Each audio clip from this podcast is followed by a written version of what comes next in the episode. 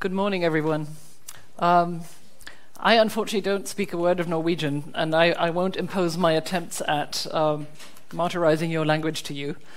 Um, I'm very grateful for this invitation. I feel that it is a distinct honor for a German to be asked to give a keynote at a Norwegian military power seminar. I am uh, conscious of that, and I'm conscious of the responsibility. Um, and because I think that way, the way that you frame today's topic uh, is distinctly provocative and is intended as a provocation, I intend to be provocative in my remarks. Um, I think that we are at a very serious time in our European and transatlantic history. I myself uh, used to be a journalist for a long time. I'm an international lawyer by training. I was a journalist for Die Zeit in Germany for over a decade, and I covered things like genocide in Rwanda, the Balkans Wars, Afghanistan, uh, the NATO intervention in Kosovo. I've seen a couple of war zones, and I followed transatlantic disagreements and very, very harsh disagreements for more than 20 years. And I have to say to you that this is the worst time I have ever seen. It is, I'm I have never been so concerned about the depth and principal nature of the disagreements that we're seeing. And I've never been so worried about the potential implications of us not finding solutions to the security problems that we have.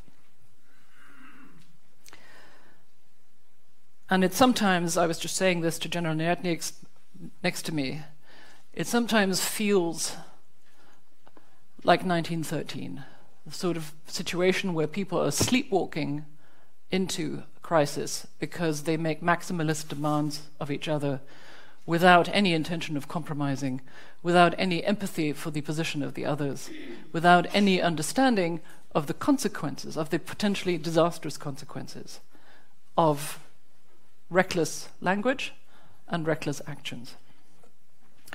Now, let me perhaps begin with something that you may be expecting from me, which is what do these midterms in the United States mean for the topic on hand?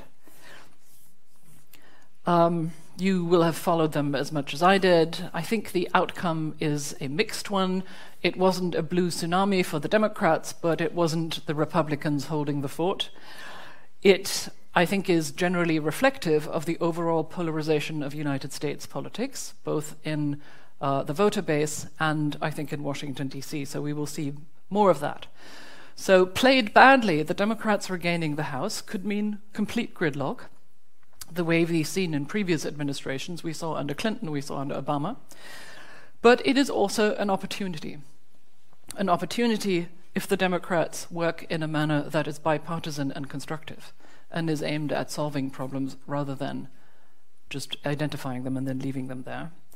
You can, however, expect more attention paid to Europe by Congress, particularly now that Congressman Dana Rohrabacher, who some have uh, jokingly referred to in Washington as the Republican representative for Moscow, um, is no longer the chairman of the House Subcommittee for Europe, a function in which he, in many ways, played into Russian interests and prevented the tabling of crucial European issues. And that, I think, is going to change completely. But I think what, if there's one thing, if I, if I had to say in one line, in one sentence, what this midterm election showed us, despite its historical voter turnout, despite the fact that there are now more women in the House than ever before, more minorities, it is this Trumpism is not reduced to Trump, and it is not a historical aberration. That's the key message that I want to leave with you as far as these midterms are concerned. And that will also inform what I am about to say. Now, the other thing I want to say is that I've made myself a couple of notes. I, as you can see, I haven't, I, am not going to read a speech to you. Um, and I have composed my the sequence of my thoughts in such a way that I, I, hope that they will appeal both to the political and military practitioners here, the experts, as well to a wider audience. But please feel to wave at me. Feel free to wave at me if there's something that you think I'm not explaining uh, fully. Um, we can have Q&A afterwards, but if there's something that is entirely incomprehensible, please say so. The first point I want to make is, uh, a, is that the 2017 National Security Strategy, which is a document that uh, the uh, Congress mandates a new incoming government to uh, the, the go- to, to explain its national security strategy. And this national security strategy in 2017 was the first one to say, to change the framing of American security strategy from international collaboration to great power competition. This was shocking to many and many European analysts at the time. I think it's fundamentally correct. This is the world that we are now in, and I, I think it was high time that Europeans recognized this. But the question, of course, for us is where do we fit in there? And in the first year of the Trump administration, the mainstream view was that the President of the United States has some very disruptive attitudes and, God knows, a very disruptive Twitter feed, but he will be normalized in the office. He will be normalized by his, the adults in the room, his cabinet members, the many seasoned professionals working in the administration. And so this is all a temporary admin, aberration that we Europeans and other allies should just ride out. And Exhibit A for this theory, of course, was and remains for many the reinforcement of NATO's presence in the East in deterrence and defense. Now, in the, uh, the essay that um, Carsten just kindly quoted that I wrote in February called Normal is Over, I argued that this is essentially wrong, wrong, essentially a misunderstanding of what is happening here. In fact, my argument is that Trump and Trumpism, the thinking that he represents, is a massive discontinuity. It is, he- it is here to stay. The elements of that massive discontinuity are Trump is the first American president to question the international liberal order as such. He is the first American president to articulate a fundamental critique of globalization, which he tellingly always refers to as globalism, as though it were a false belief, a false ideology, something that we just have to recant from, or to those of you who've seen the Matrix movies, um, people who believe in that have taken the wrong pill and should take the right pill.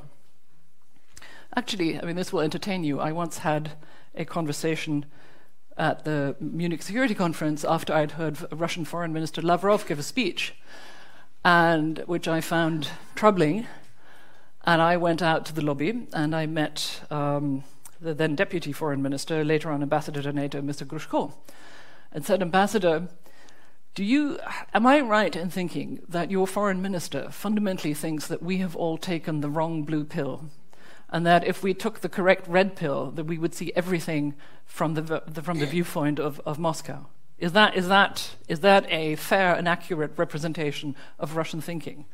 And Grushko listened to me and said, Yes. but of course, this critique of globalization, of global interdependence through the movement of goods, data, ideas, and people, is a critique of the world as we live in. It is a fundamental disagreement about the nature of the world that we live in. That's not something we have ever encountered from an American president. And it is, of course, as such, a massive wedge in transatlantic relations. Because this theory's implications for Europe are extremely serious. And in fact, if you listen closely to what this president and some of his more ideological advisers have to say about Europe, you will see that they see Europe through a lens of what I have called a triple war narrative war wars, trade wars, and culture wars. And with a special hostility, unfortunately, reserved for the European Union and implicitly for Germany, but that's by the by. That's a concern for Germans. Now, that, that was my analysis in February. How has this changed now that we're in November? I think we have seen some of my predictions sadly playing out. We are in the middle of not one but two trade wars, one of them being suspended. We're in the middle of a trade war with China, and the trade war with Europe was suspended because of an agreement between Trump and EU Commission President Juncker to talk. These talks are currently being conducted between the USTR, the trade representative Lighthizer, and Malmström, but they are not going very well. And fundamentally, this could break out again at any moment.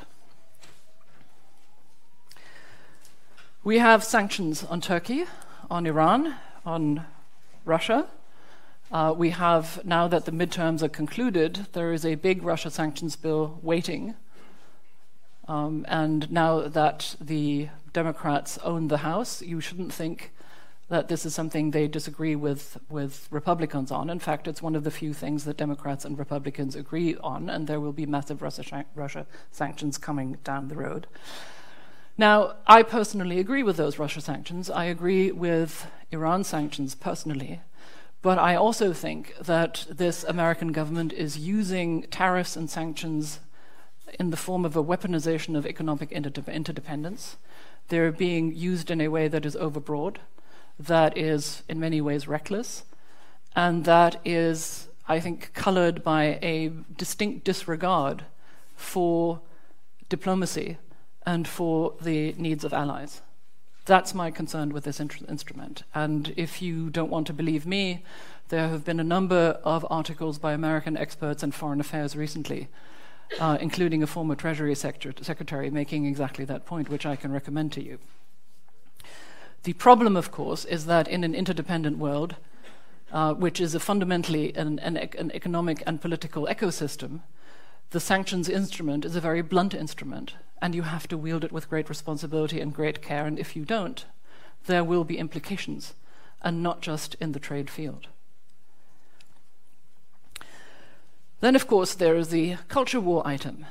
No American president has expressed support for authoritarian, illiberal authoritarians like this one. And I don't just mean Duterte, Putin, or Xi Jinping. I mean Orban. I mean Italy's government and Italy's de facto Prime Minister, Mr. Salvini, the Interior Minister. And that is a concern at a time when those authoritarians in Europe are preparing a run on the European Parliament in the next European elections in May. The European populists are no longer trying to get their countries outside of the EU.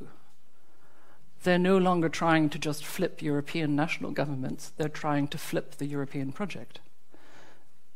So, to express support for those authoritarians, who, by the way, all have excellent relationships with Russia, to for an American president to, to express support for those authoritarians at this time in this way has a distinct meaning that we shouldn't ignore.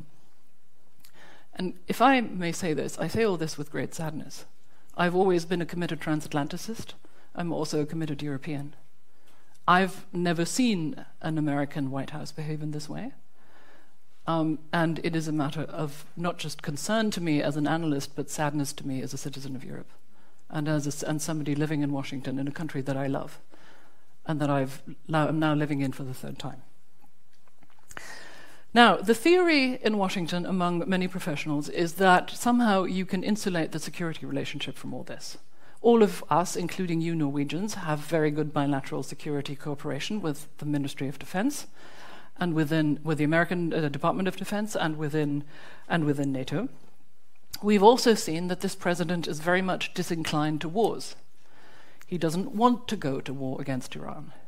Although, footnote to that, this administration was this close to a so-called bloody, uh, bloody, bloody nose strike on North Korea, which could have had huge, uh, led, led to a huge loss of lives, and would have had massive security ripple effects in Asia and elsewhere.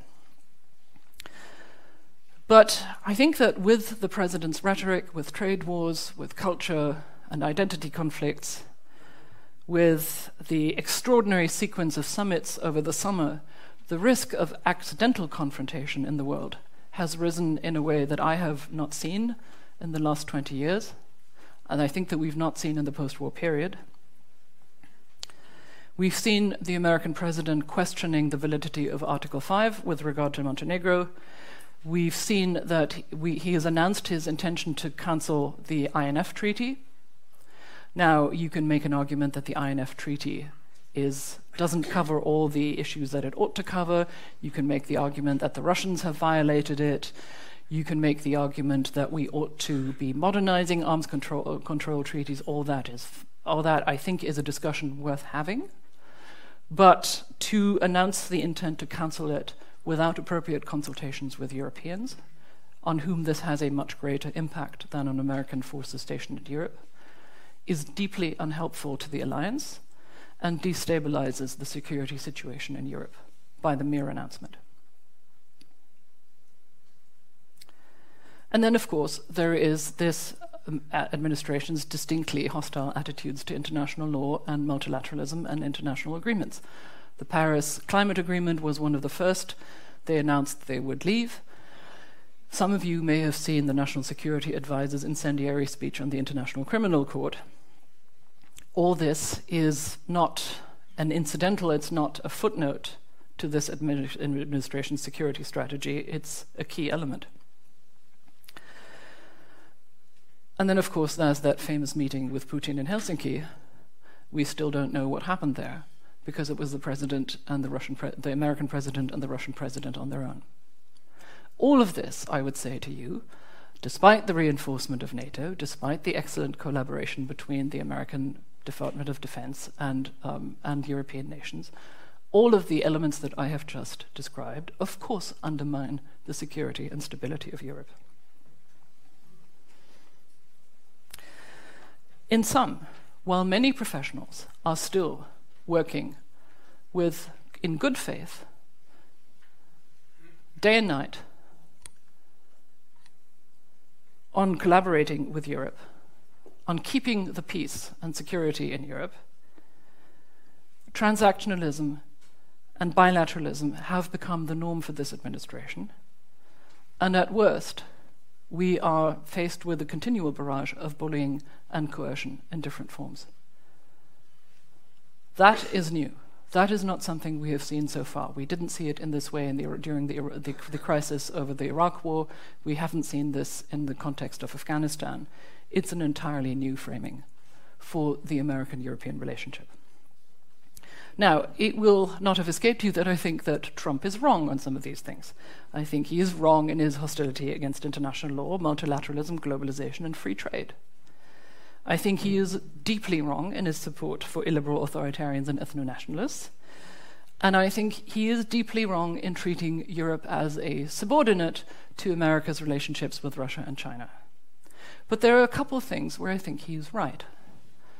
And that, I think, is something we need to look at more carefully, and I think it ought to be a subject for discussion for the rest of the day, where, regrettably, I w- I won't be, I will already have left. Where is he right? European defense spending.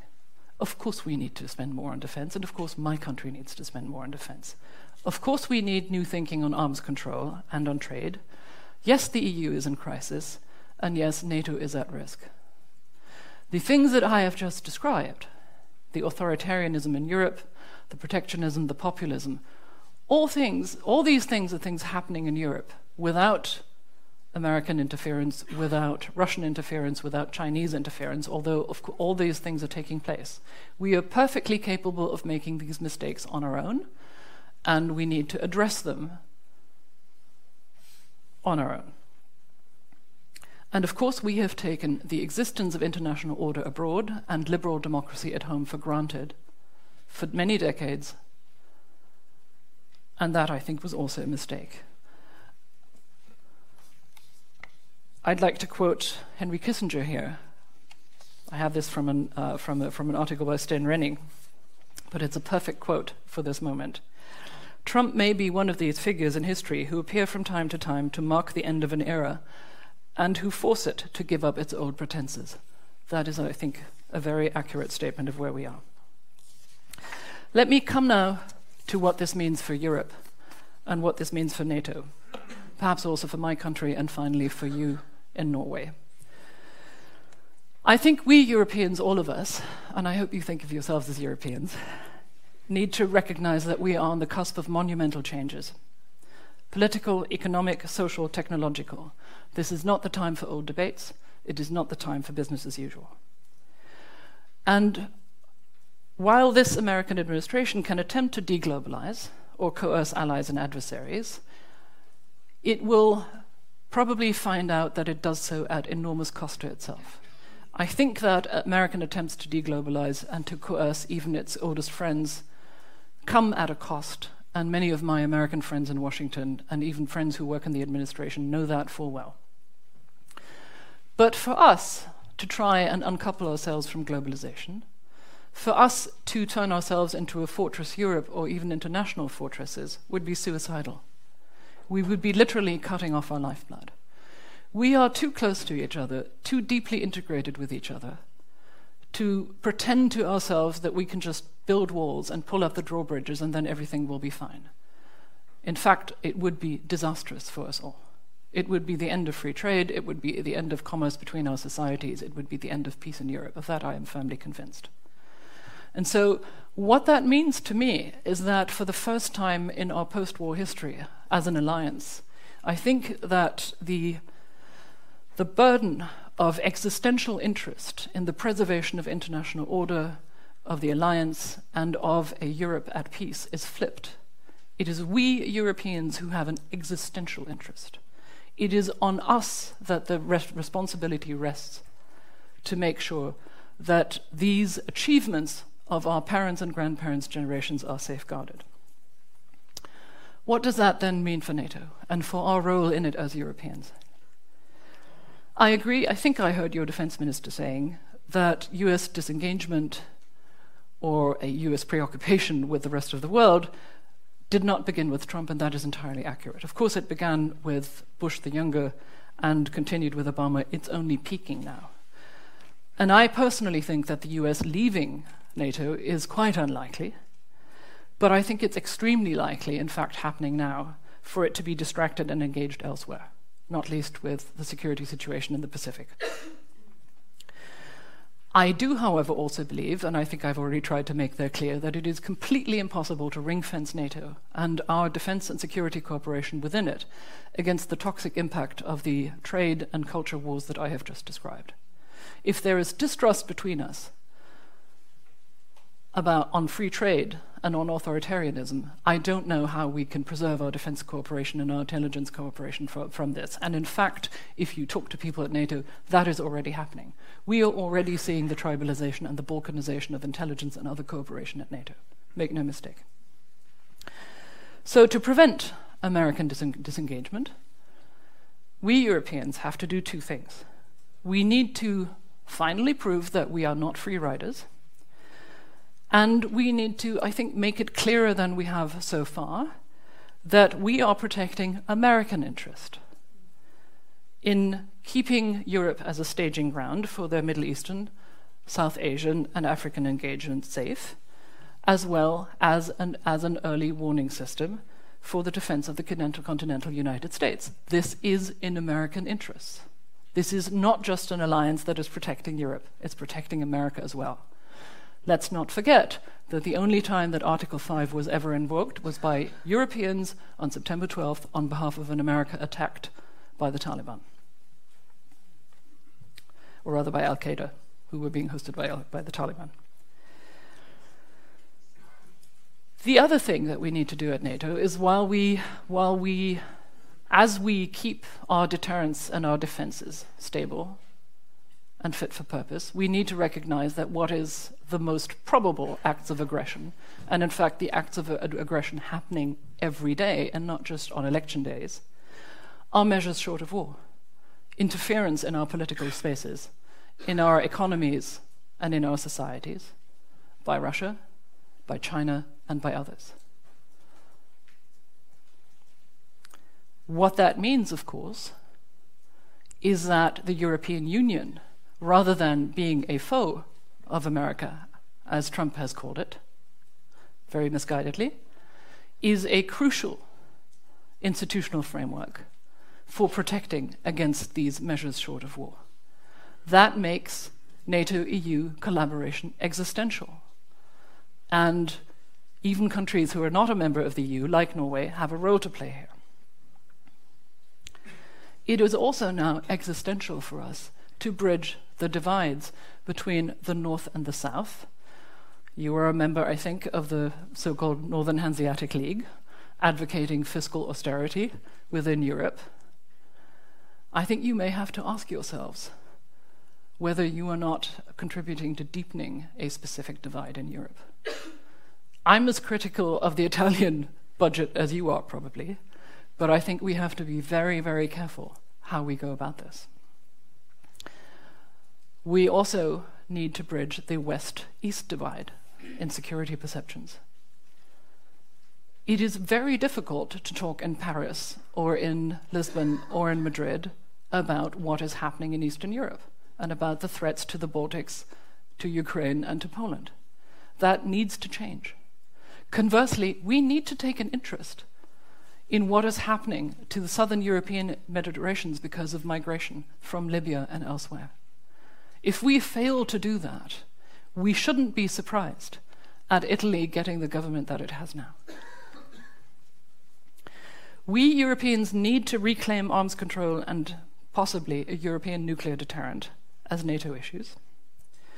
We have to, at all costs, prevent Russia reclaiming a sphere of interest in Eastern Europe or even over Eastern European NATO allies. This is occasionally discussed as a possibility, as an acceptable possibility in American literature. I don't need to name the names to you.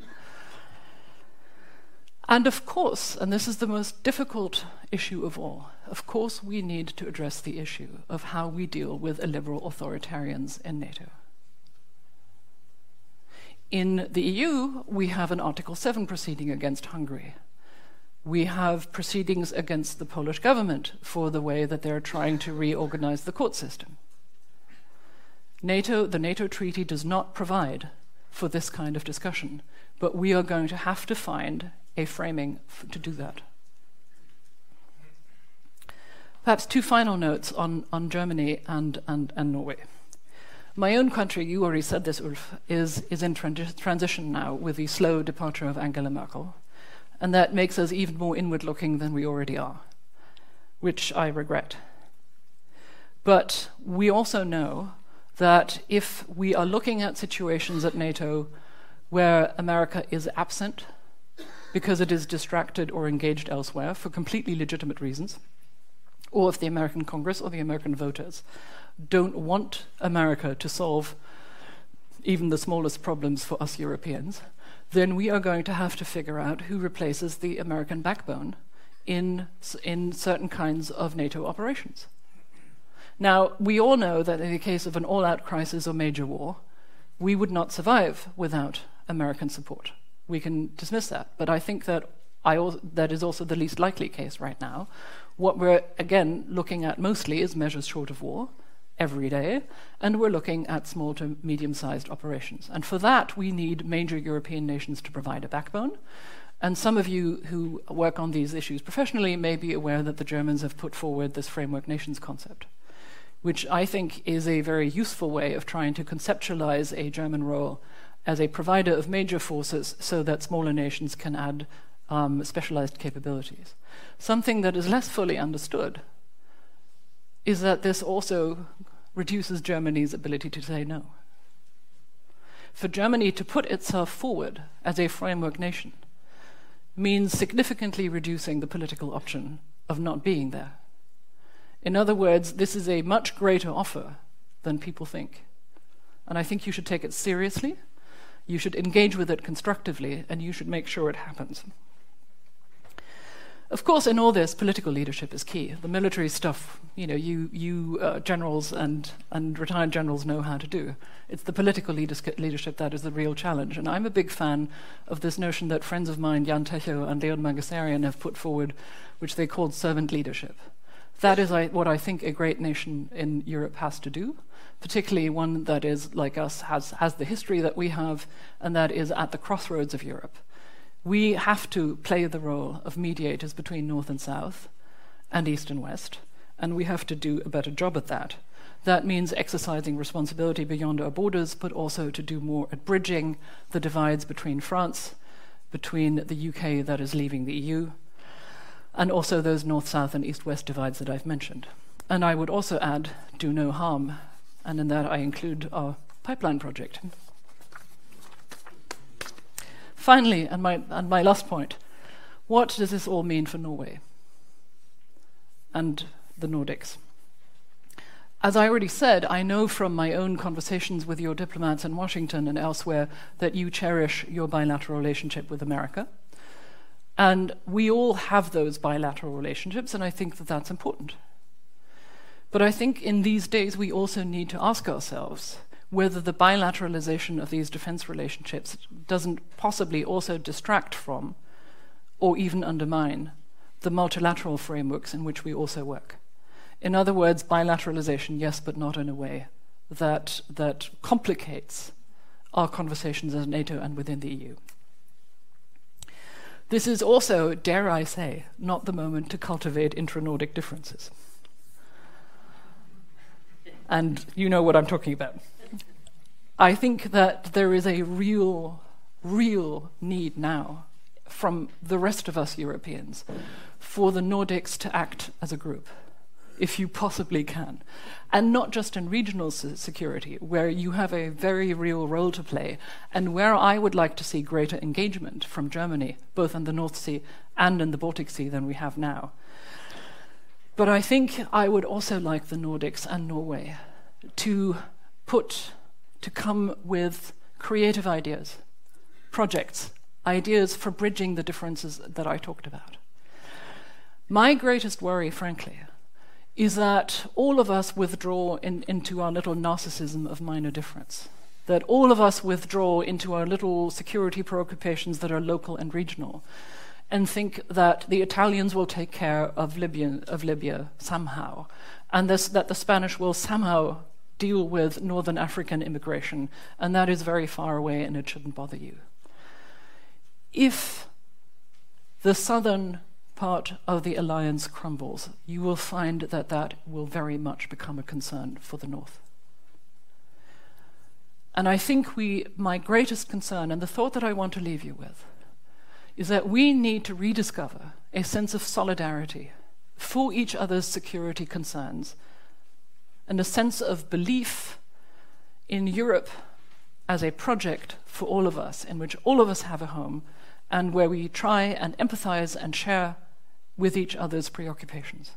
That, to me, is the single greatest worry that I have. I think if we can manage that, then we can manage all the other issues. And with that, I'm going to leave you and say I'm happy to answer your questions and, um, and, and, and, comments if you have them. Um, I'm very grateful to have been given the time to speak to you here. I hope it's been of interest. If not, tell me. Thank you.